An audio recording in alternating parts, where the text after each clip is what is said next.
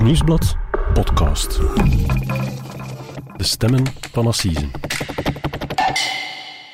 Hallo, mijn naam is Mark Lefman, misdaadreporter bij het Nieuwsblad. En ik ben Cedric Lagast, journalist bij diezelfde krant.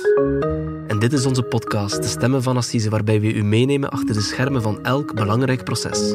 En dit keer hebben we het over de dood van een moeder van twee uit Kapperijke. Waarom moest Sally sterven?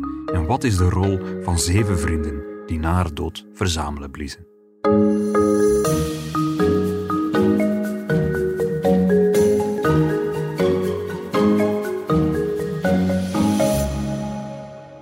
Dag Mark. Dag Cedric. Welkom hier uh, in onze studio. Jij bent er vandaag bij komen zitten voor een nieuwe aflevering van onze podcast De Stemmen van Assisen. Met veel plezier. En we gaan het deze week hebben over een assiseproces dat deze week van start gaat in Gent. Ja, klopt. En jij gaat dat volgen. Het gaat deze keer over de dood van een 40-jarige vrouw, een moeder van twee kinderen, die vier jaar geleden om het leven is gekomen. Inderdaad, het is, het is, een dossier waar, ja, waar destijds al veel stukken in de krant zijn over verschenen. Uh, het is een zaak die in 2019 toch wel redelijk wat aandacht kreeg. Hè. Het was ook een beetje de periode waarin er veel geschreven werd ook over feminicides. Hè. Dat het Moord hoog, op vrouwen. Maar ja, moorden op vrouwen. Hè. Mensen, eh, vrouwen die door hun partner of ex-partner werden gedood. En, en de foto van deze vrouw, die, die prijkte daar ook altijd bij. En sindsdien is er wel al wat veranderd in ons land. Absoluut, hè. je weet het. Hè. Dus de, de, de huidige federale regering heeft de wet rond feminicides willen aanpassen. Hè. Justitieminister uh, Vincent van Quickenborne die wil uh, strengere straffen voor partnergeweld. En het resultaat is dan ja, dat dodelijk geweld binnen een relatie eigenlijk altijd als moord telt. Hè. Zo, ook al is er geen voorbedachtheid, dus dat is wel een wezenlijk verschil. Maar hier in dit dossier kan die wet nog niet toegepast worden dan, denk nee, ik. en dat, dat komt omdat de ministerraad heeft het, heeft het wel goedgekeurd, maar ja, het, de hele procedure moet eigenlijk nog in het parlement gestemd worden. Maar daarmee onthul je eigenlijk ook al een, een tipje van de sluier van deze zaak, Mark. We weten, het gaat om partnergeweld. Dat zal natuurlijk allemaal moeten blijken, maar het is in ieder geval wel een, een, proces waar nog veel vraagtekens rond hangen. Want het is nog niet helemaal duidelijk wat precies de aanleiding was voor de feiten en waarom die vrouw moest sterven, wat precies de rol was van een groepje vrienden van de beschuldigde, die er ook bij betrokken waren op het einde. Dat is allemaal nog niet duidelijk. Mark, we moeten om te begrijpen wat er gebeurd is, vier jaar terug in de tijd. We moeten naar het Meetjesland, meer bepaald naar Kaprijke. Hoe is de dood van die vrouw eigenlijk aan het licht gekomen?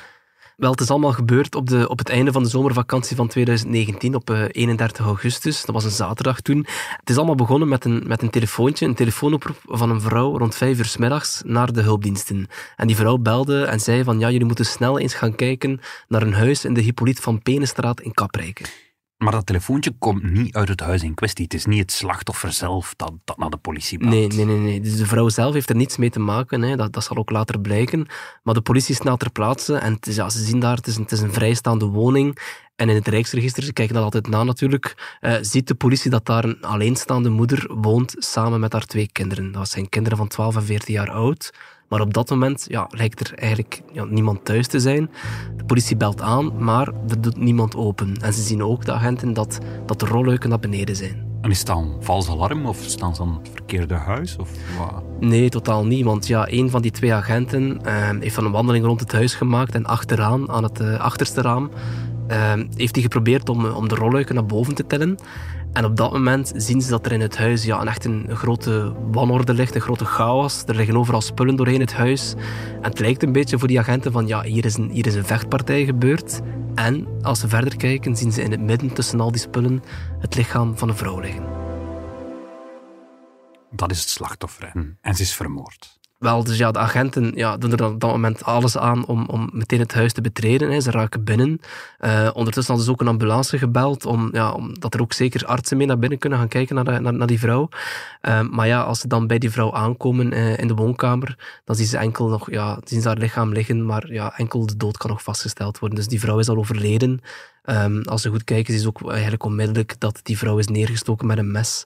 Um, en ja, op haar hoofd ligt er een, een kamerjas. Ja, haar gezicht is bedekt. Ja, inderdaad. Dat wijst er vaak ook op dat het om een persoonlijke moord gaat. Want dat de dader het slachtoffer niet in de ogen wil kijken. Maar bon, er is niemand anders in het huis. Het is niet dat er iemand nee, anders... is. Nee, nee, nee. Dus ja, wat gebeurt er dan? Klassiek, hè? De, de federale gerechtelijke politie komt ter plaatse. En ja, natuurlijk, heel het huis wordt, wordt doorzocht naar sporen. Ja, wat opvalt is van, ja, er is zeker een soort van vechtpartij geweest, hè, want er liggen op verschillende uh, plekken in het huis zijn er bloedsporen. En in een van die plassen bloed vindt de politie ook een, een, eerste echte aanwijzing. Want iemand heeft met zijn voet in die plas bloed getrapt. En daarna is er ja, een, een bloederige afdruk verder op de vloer te zien, verder achtergelaten. Een spoor naar de dader. Een spoor naar de dader.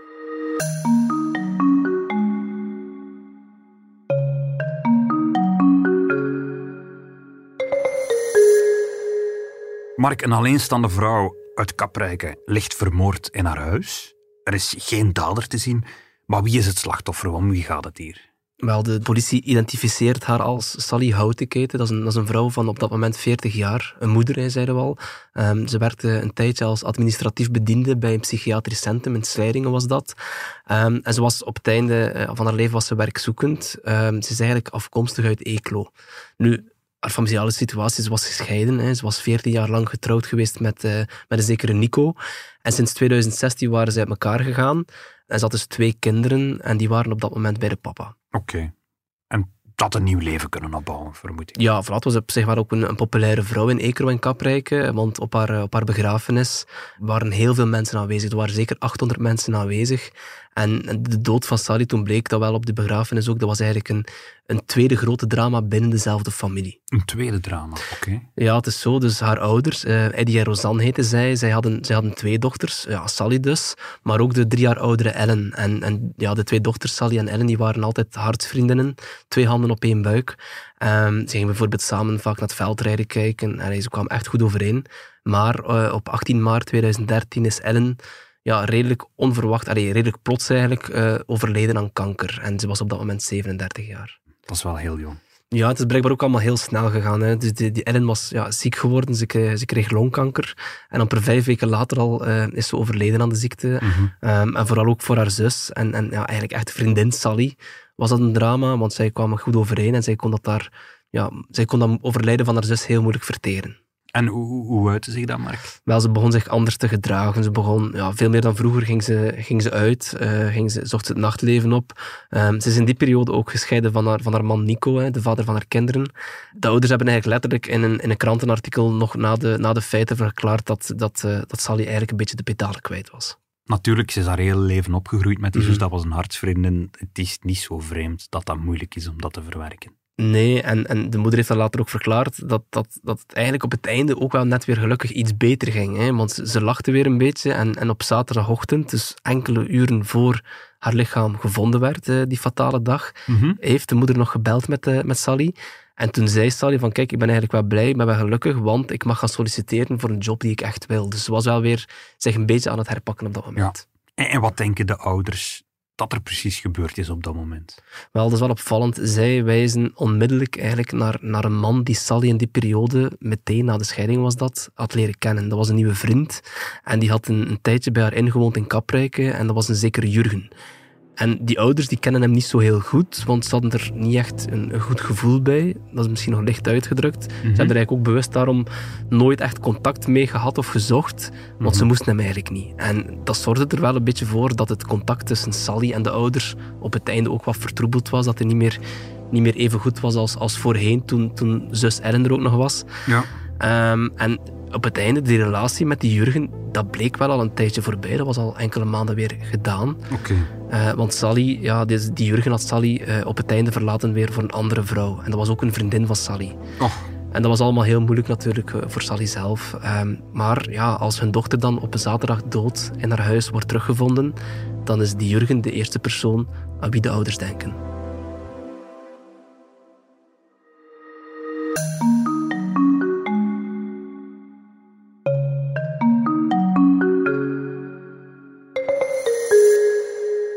Mark, ik wil toch nog even terugkeren naar het begin van deze podcast.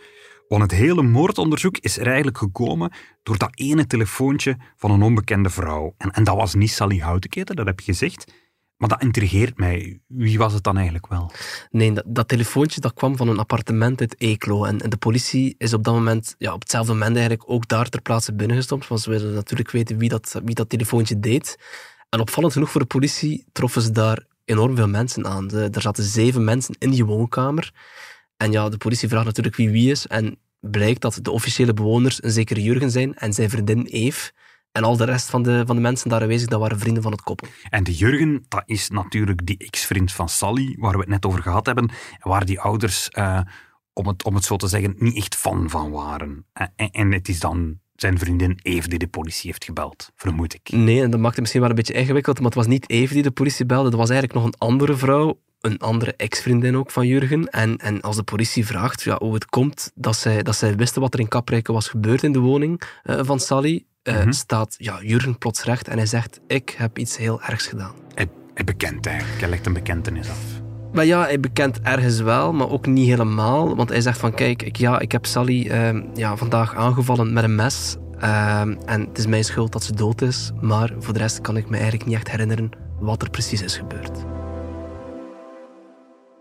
Heeft geheugenverlies. Dat is iets wat we vaker in assisen tegenkomen en waar achteraf vaak van blijkt dat het geveinsd is. Wat, in ieder geval wat, wat heel vreemd is, hè, hij wordt gefouilleerd en, en de politie stelt vast dat hij nog twee briefjes op zak heeft en op één van die papiertjes staat ook het telefoonnummer van een advocaat.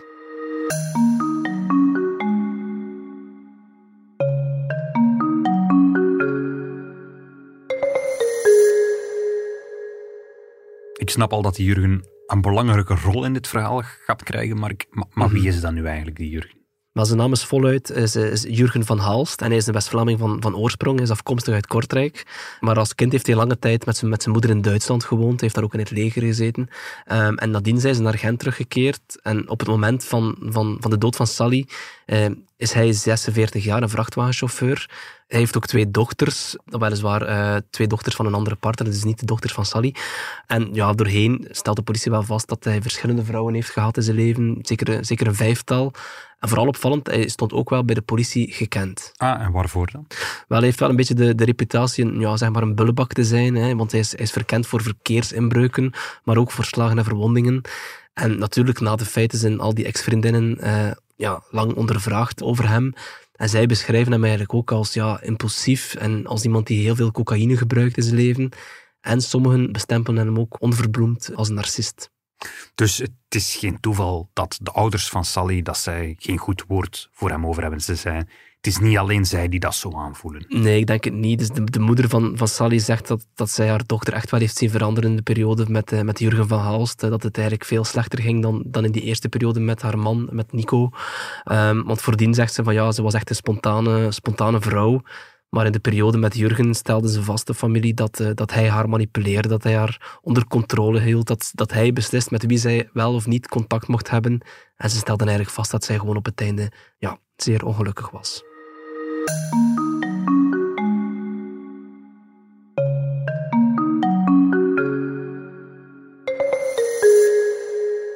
Maar Mark, als ik het goed begrepen heb, is Jurgen van Alst al in februari 2019 zelf vertrokken bij Sally. Dat is goed zes maanden voor het drama, denk ik. Hij heeft haar verlaten ah, voor een andere vrouw, zelfs voor een vriendin van Sally. Mhm.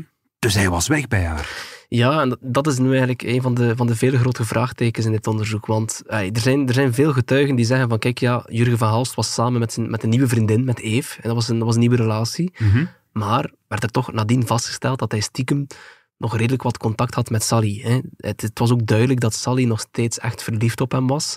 En vier dagen voor het drama, dat was wel opmerkelijk, uh, zou Jurgen van Halst dan ja, plots zijn nieuwe vriendin Eve verlaten hebben en zou hij opnieuw bij Sally zijn ingetrokken. Ehm, ze hebben ja, die, die laatste momenten hebben ze ook nog samen televisie zitten, zitten kijken en zo.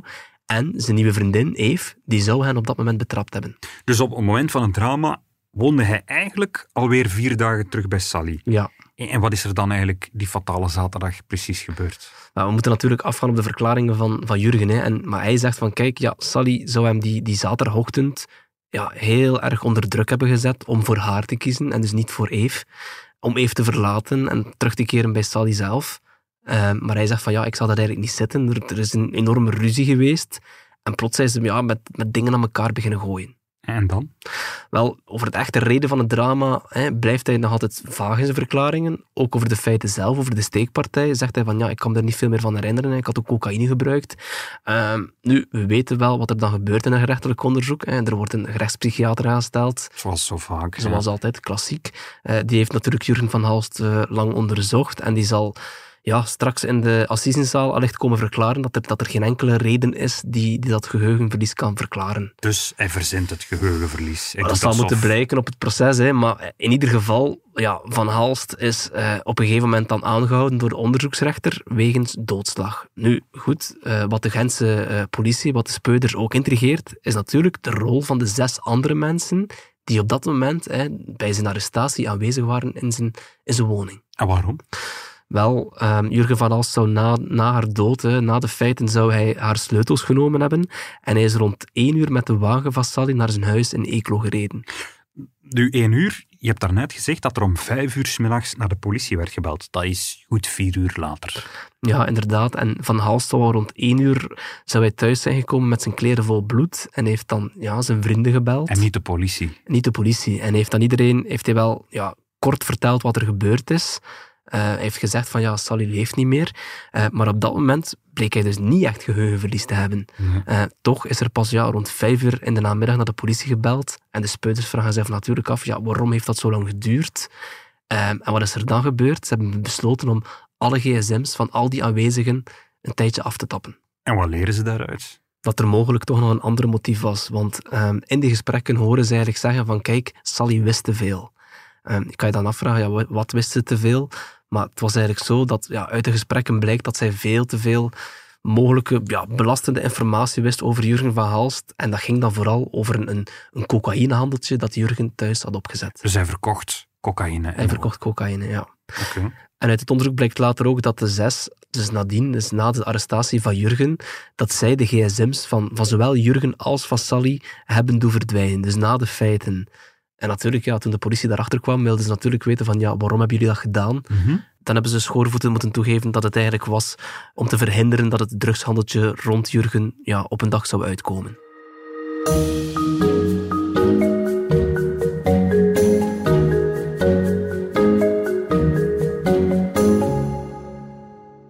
Mark, deze week start het proces tegen Jurgen van Alst. En dat is een assiseproces, een proces met een volksjury. En we hoorden daarnet al dat Van Alst is aangehouden wegens doodslag. Dus hij zal terechtstaan wegens doodslag. Wel, nee. En dat is, dat is wel bijzonder hier. Eh, de beschuldiging waarvoor hij inderdaad eh, is aangehouden destijds was inderdaad doodslag. En toen waren er blijkbaar geen aanwijzingen echt van, van voorbedachte raden. Hij zei dat hij de feiten in opwelling had gepleegd. En blijkbaar waren er toen geen elementen om dat tegen te spreken.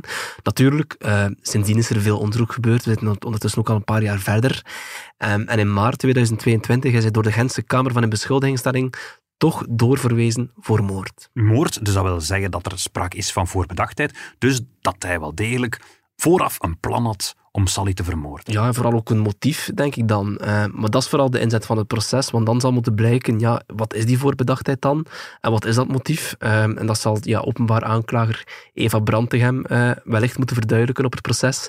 Het is natuurlijk de jury die uiteindelijk zal moeten oordelen of die kwalificatie gevolgd wordt. Maar het is wel belangrijk, hè, want ja, we weten, we hebben het hier al zo vaak gezegd, eh, voor doodslag riskeer je maximum 30 jaar cel, en voor moord is dat de maximumstraf, is dat levenslang. Dus dat is een wezenlijk verschil natuurlijk. Het is een proces met een inzet, onthoud ik. Wie zijn zijn advocaten? Wie zal Jurgen van Alst moeten bijstaan? Ja, het zijn ook niet de minste. Hè. Dus, eh, voor, voor Jurgen van Alst ehm, zijn dat eh, Nina van Eekhout, de bekende Gentse strafpleiter. De Ehm, dochter van dochter Piet van Eekhout. Piet van Eekhout, eh, eigenlijk het assisen-icoon. Ehm, Nina van Eekhout hebben we onlangs nog aan het werk gezien tijdens het proces van de aanslagen in Brussel en Zaventem. Mhm. Ehm, veel assisezaken al gepleit. En ze gaat het samen de verdediging opnemen met Chris Vinke, de naam die er ook al veel is gevallen, zeker in West-Vlaamse assisezaken. Maar nu maakt hij dus de, de oversteek naar Gent. Hij heeft onlangs nog een vrijspraak behaald in Brugge. Oké. En ze komen tegenover het kantoor van Jeff Vermassen te staan. Ehm, hij is altijd eh, de advocaat geweest van de ouders van Sally Houtenketen.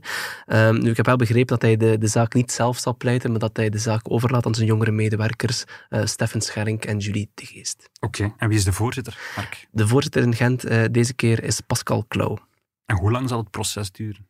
Wel, het proces zal zeker een week duren. Wellicht volgt er een arrest op vrijdag 20 oktober. Oké.